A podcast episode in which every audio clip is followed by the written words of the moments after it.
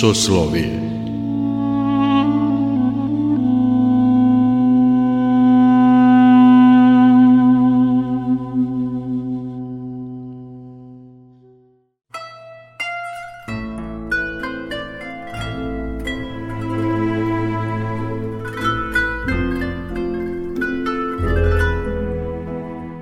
Slušate Soslovije, religijski nedeljnik Radio Novog Sada. Dobrodošlicu vam želi Mirjana Ranković. O porodici, porodičnim vrednostima i vaspitanju dece. Razgovarali smo sa ženom koja je prošla kroz istinsko preumljenje. Naša sagovornica je nekadašnja reprezentativka, vodeća košarkašica Crvene zvezde, Panatina Ikosa i Pankratija, Olivera Ćirković autorka knjige Ja Pink Panther ispovest, liderka kriminalne grupe Pink Panther, koja je u zatvoru provela skoro 8 godina i jedina žena koja je pobegla iz najčuvanijeg grčkog zatvora –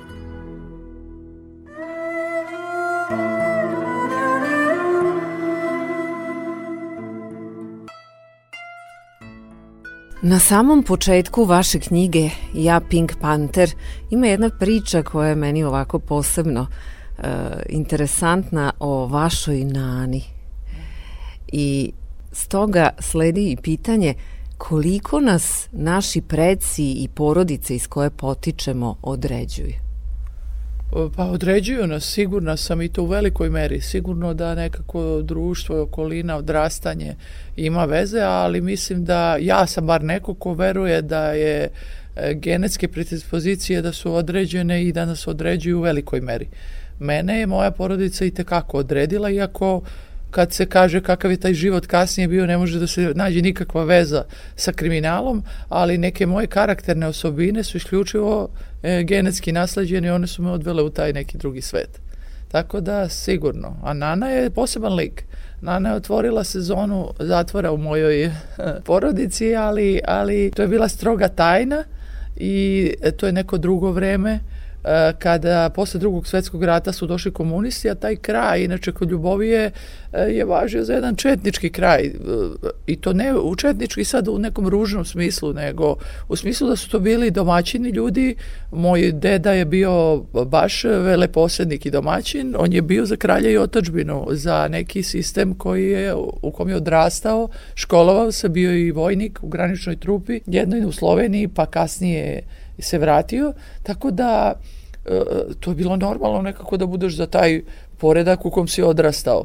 Iz tih razloga kažem četnički kraj, znači za kralja i otačbinu. E onda je od moje nane ili bake, tatino, tatine majke, rođeni brat, e, e, naravno postao četnik, i posle drugog svetskog rata kako je ostao živ, skrivao se po zemonicama jer, su, jer je krenula hajka na sve što je bilo protiv komunizma i onda baka moja mu je nosila hranu, to je bio rođeni brat zaista, i krila ga je. Mislim, nije ga ona krila, ali je znala tajnu, naravno, gde se on nalazi.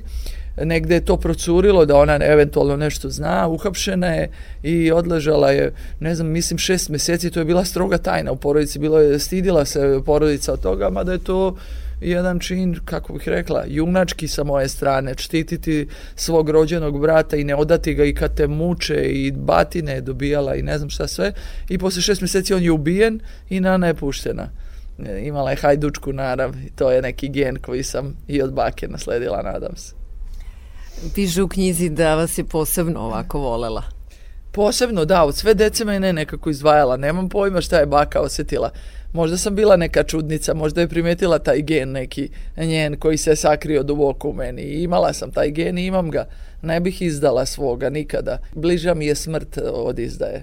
Pre bih e, umrla, čini mi se, nego izdala svog bližnjega. Koje životne vrednosti su bile bitne vašim roditeljima, vašoj porodici? E, evo sad smo govorili o izdaji i to je isto da. jedna od životnih vrednosti da se ne izda bližnji. E, šta je bilo važno? Mislim da je primarno nešto kada prva pomisao koja mi pada, verovatno ona i naj, najdominantnija u našoj porodici je iskrenost. Bili smo jako iskrena i otvorena porodica, bučna bučna, to znači da smo pričali, e, e, dobro sad svađali, mama i tata možda, bilo je neke prepirke, to se tako kaže, ne baš svađe neke, mi nismo živjeli u svađama. Prepirke da, ali sve je bilo bučno i te prepirke su bile bučne i kratke. I moje prepirke sa sestrom bučne i kratke. Sve je to tako nekako bilo bučno, kratko, ali dobroćudno nigde nije bilo skrivanja problema po tepih, da narastu neki veliki problemi, i da se otuđimo. Bliska jedna porodica, svi vezani, iskrenost je prva neka, neka i to neka, neko, neko čojstvo možda da zaista hrabrost neka, da ne odamo nikad svoga, da smo lojalni. Eto, možda to kada je porodica u pitanju, e, kako je porodica reagovala posle na ono što se vama dešavalo u životu.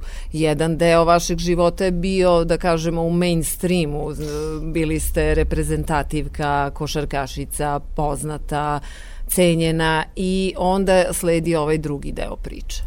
Najbliže porodice nije bilo reakcije zato što mi je mama umrla 95. godine, a tata 2000. Znači i na moju sreću. Moji roditelji nisu se susreli sa mojim padom nekim i to me jako raduje sada, ne zato što mi nisu živi roditelji, nego zato što nisu trebali to da vide. E, teško bi to moj otac preživeo. Majka mislim da je čvršća i da bi, i on je čvrst čovjek bio, ali je bio jako vezan za mene i e, ja nekako od malena sam bila neka čudnica, neko dete koje možeš reći buntovno, ali jako dobro za porodicu, poslušna iz ljubavi, a ne iz straha.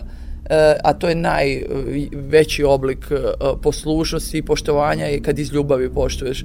To znači da je tvoja ljubav nemerljiva i bila je prema mojim roditeljima su bili mudri i znali su kako sa buntovnim detetom treba. Ja sam bila buntovna na nepravde belosvetske okolo, ono što mi se dešavalo, a nisam bila u kući jer nisam imala razloga za bunt. Tako da moji roditelji se nisu susreli sa tom pričom i to me raduje, a neka šira familija jeste šta bih rekla, razočarani da, ali ima malo i licemerstva u tom e, celoj toj priči. E, moja porodica ta šira nekako dok je to bilo sve sijalo i dok je bio sjaj e, e i, i, i ako su znali odakle taj sjaj i bogatstvo ide, bilo je nekog poštovanja. A u trenutku kada sam otišla u zatvor, e, nestalo je to poštovanje, to znači da je ono bilo lažno i da mi smo skloni kao ljudi, ne moja porodica, nego svi mi ljudi, da poštujemo ljude samo zato što imaju novac i da, da su stvari uopšte nije briga odakle je taj novac, ali to naše poštovanje nije iskreno, samo traje trenutno, možda iz neke lične koristi ili iz nekoga divljenja, a kasnije kada taj se neko zaplete u neprilike, a, ti ga ne prepoznaješ, znači ne pružiš mu ruku, ti si zaboravljeni kad si u zatvoru. Mislim da se to ne bi desilo da mi je baš najbliža familija, najuža a, a, ostala živa, mislim da moji roditelji to nikad takvi ne bi bili, jer ličimo, ja sam oni, oni su ja. Ali eto, nešto šira familija, jeste na neki način i žigosanje i stid, sva ta moja porodica su zaista blistavi ljudi, sva deca, znači kategoriji mene, mojih stričeva, sinovi, od mame isto tako. Svi su visoko obrazovani ljudi, imaju zanimanja, e, ne zameram im. I moguće da je to bilo i neki, neki stid i, i otpor i to je, razumem ih. Ne, ne, ne sudim nikome i ne, nikome ne treba suditi. Znači, nije naše. Bog je tu da sudi, a ne mi. Znači, samo ne suditi, nije hrišćanski. Sestru imate, rekli ste, E, Kako sa njom, kakav kontakt imate? A, imam rođenu sestru koja je umrla sada pre dve godine od korone. A, imali smo super odnos, ali sestra moja nije pomenuta u knjizi iz jednog razloga, zato što je bila profesor biologije, ima jako finu i dobru porodicu, dvoje dece koji su, jedan je pravnik, jedan je ekonomista, ja kad pišem knjigu u tom trenutku srušena sam skroz, osuđena sam na 32 godine robije i delo je da neću nikad izaći iz zatvora. I pisala sam samo o svojim roditeljima jer nisu bili živi, vraćala sam se u to detinstvo i na ljude neke koje sam Uh, e, redko koga sam tu kritikovala. Uglavnom sam idealizovala i hvalila ljude drage.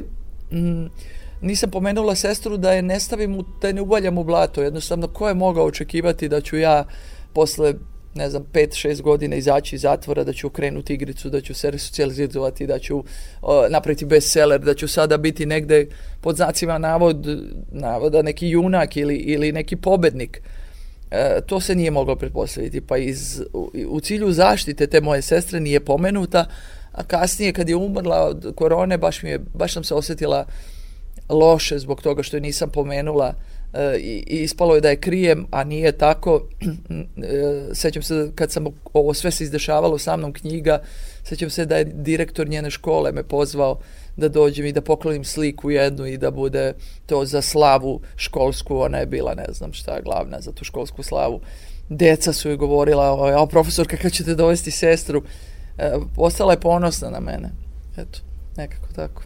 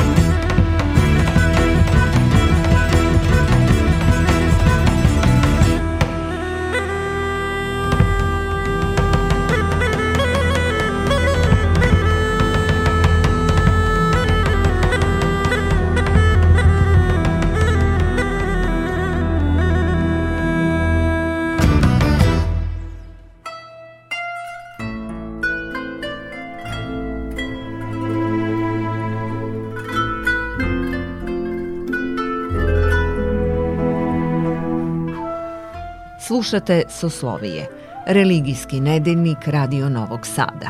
Naša gošća je nekadašnja reprezentativka, vodeća košarkašica Crvene zvezde, Panatina Ikosa i Pankratija, Olivera Čirković, autorka knjige Ja Pink Panther ispovest, pljačkašica Zlatara, vođa kriminalne grupe Pink Panther, koja je u zatvoru provela skoro 8 godina i jedina žena koja je pobegla iz najčuvanijeg grčkog zatvora.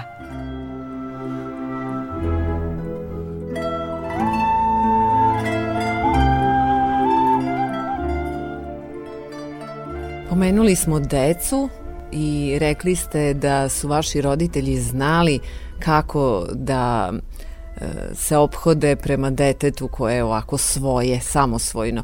Možda ne bi bilo loše, pošto ovu emisiju slušaju i roditelji, da možda neki vaš savet e, podelite o vaspitanju dece, baš tako specifične dece e, i nešto iz vašeg ličnog iskustva, pošto i sami imate sina koji je vrlo uspešan. E, ja mogu da kažem da je ključ svega dobrog tog vaspitanja i ako nešto roditelj treba da postigne, ja to sam iz ličnog iskustva, ja nisam nikakav ni psiholog, ni pedagog, ni neko ko treba da deli savete, ali s obzirom da sam se ja izvukla iz eh, iz pakla gotovo, iz jednog poroka i digla se iz pepela, eh, znači to govori samo da, o, o meni da postoji meni neka snaga koja nije zanemarljiva i takve ljude treba čuti. E, takođe imam sina koji je blistav i koji je u jako teškim uslovima odrastao i odrastu jednog bliskog, blistavog mladog momka, pa možda i iz tih iskustava nešto mogu da kažem. Kada detetu pružimo neograničenu ljubav, ali pritom imamo autoritet, e, ne može samo da postoji ljubav. E, znači, dete, koliko god te volelo, mora da gaji određeni autoritet prema tebi i ti od prvog do poslednjeg dana svog života uh, trebaš da budeš roditelj. Uh, uh, često puta čujem drug. Da, ja sam svojim sinom i drug, ali pod jedan sam roditelj. Nemamo tu barijeru drugarski, baci pet, ja sam s njegovim drugovima se družim. Ne, postoji jedan odnos i, i jedan otklon koji je jako bitan, znači da sagradiš autoritet kao roditelj, da te vole iz uh, i, i poštuju iz ljubavi, to je jako bitno, jer ako ti dete možeš da ustrojiš na neki način da te poštuju iz straha do 14. godine i posle toga prekida se svaka komunikacija i to dete postaje uh, apsolutno suprotno, znači ktera počinje krećaju kontra, počinje da bude agresivno, ti mu više ništa ne možeš. Znači, ako ti je želja da do 14. suvoreno vladaš svojim detetom, ti to uradi, ali to je put koji nema, nema, nema, nema cilj, ne, ne stiže nigde, taj put na pola prestaje i posle je sve u Božijim rukama. Treća stvar koju možda bi bila i prva, možda se me prvu trebalo pomenuti, je uticati da se detetu razvije uh, sigurnost, uh, da raste u jednu osobu sigurnu u sebe i to određuje roditelj. Uh, silnim kažnjavanjima, nekom disciplinom koju stvaraju, koja je i preoštra, dovode decu u položaj da od malena počinju da lažu. Lažu da bi detetu, da bi roditelju ispunili te neke njegove zahteve i e, to je prva tačka kada se ljulja samopouzdanje detetovo, kada on počinje da laže i kada počinje da se plaši svog roditelja. Roditelj treba da ima autoritet, ali ne da ga se plaše. Autoritet svojom ličnošću. Treba prvo da je ostvarena ličnost roditelj. Da je on se našao u svom zanimanju ili ako ništa u svojoj ličnosti, da veruje u sebe i da je siguran u sebe, da bi tu ljubav i sigurnost prenosio na svoje dete. Ako je nesiguran i svoje frustracije, uh, leči na detetu, stvorit će još jednog, nes, jednog isfrustriranog mladog čovjeka koji nikad neće sazreti, nego će ostati infantilan do kraja života. Kada su nam deca odrasla, infantilna, neodgovorna, nemaju savest, isključivi krivci smo mi, roditelji. I to tvrdim odgovorno. Trebala bi nam i škola za roditelje, čini mi se. E, e, to bi bila prva škola koju bi ja otvorila. E, jer ja ista sam grešila. Imala sam sreće da po instiktu odgajim to dete, po instiktu svojih roditelja, da pružam tu ljubav, sigurnost i da imam određeni autoritet kao ličnost. To je sve e, model ponašanja koji sam ja presekala od svojih roditelja. Pa sam imala sreće da oni su to dobro učinili sa mnom, pa ja prenela na njega, ali nisam bila mudra. U nekim drugim stvarima sam grešila i sada vidim greške. Uh, a verujem da me je neko tada edukovao i da sam otišla na neke časove i da čujem neka iskustva, ne verujem da bi baš sve prihvatila, ali bi dobro razmislila o tome kad bi čula šta bi moglo s mojim detetom da bude. I mislim da roditelji nisu nezainteresovani. Jednostavno nemaju gde to da čuju.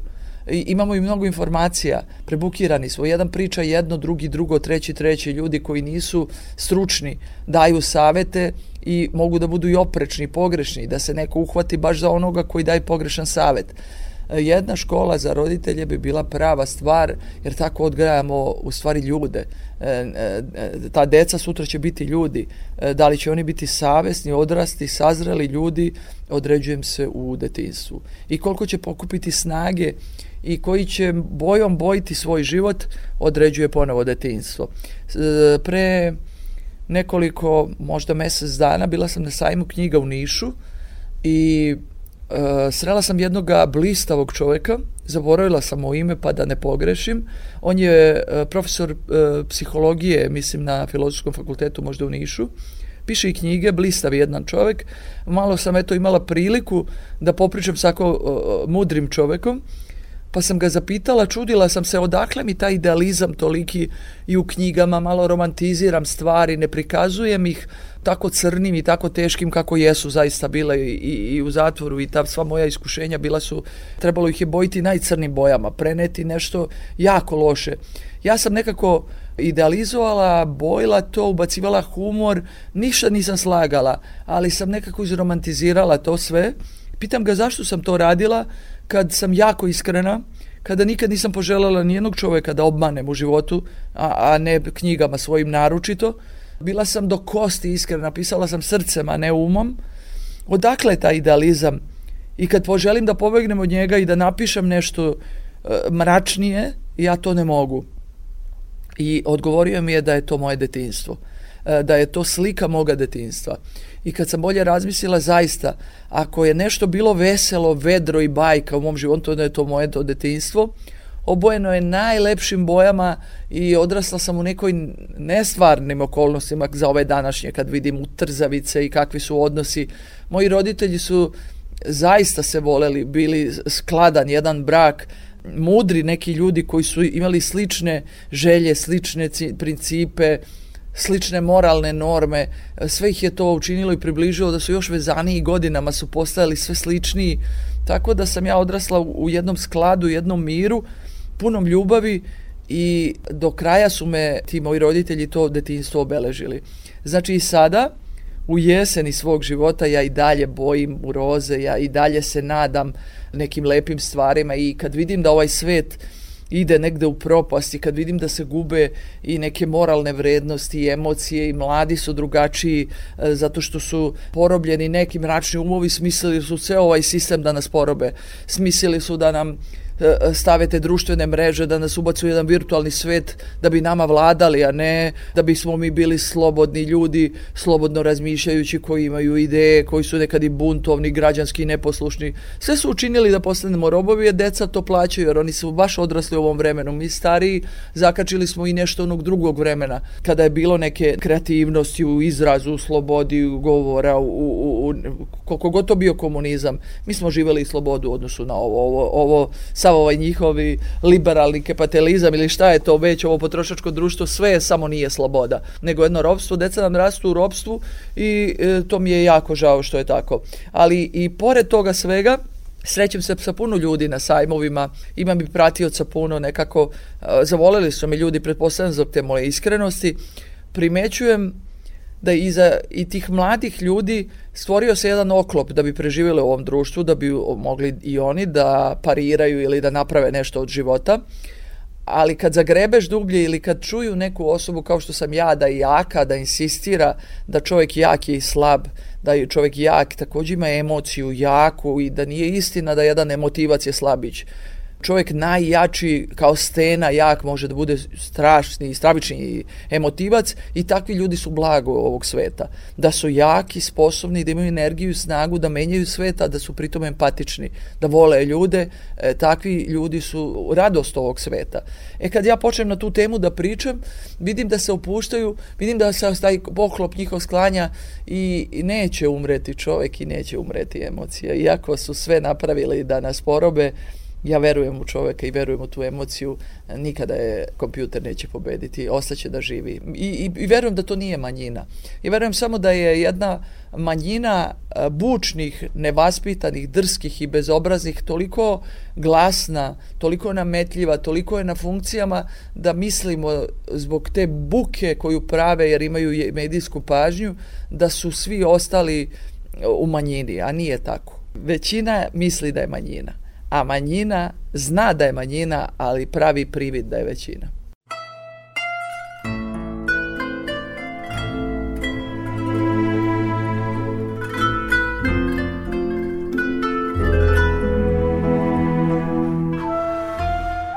Gošća sa Slovija bila je Olivera Ćirković, autorka knjige Ja Pink Panther, ispovest, nekadašnja reprezentativka – vodeća košarkašica Crvene zvezde, Panatina Ikosa i Pankratija, vođa kriminalne grupe Pink Panther, koje je u zatvoru provela skoro 8 godina i jedina žena koja je pobegla iz najčuvanijeg grčkog zatvora.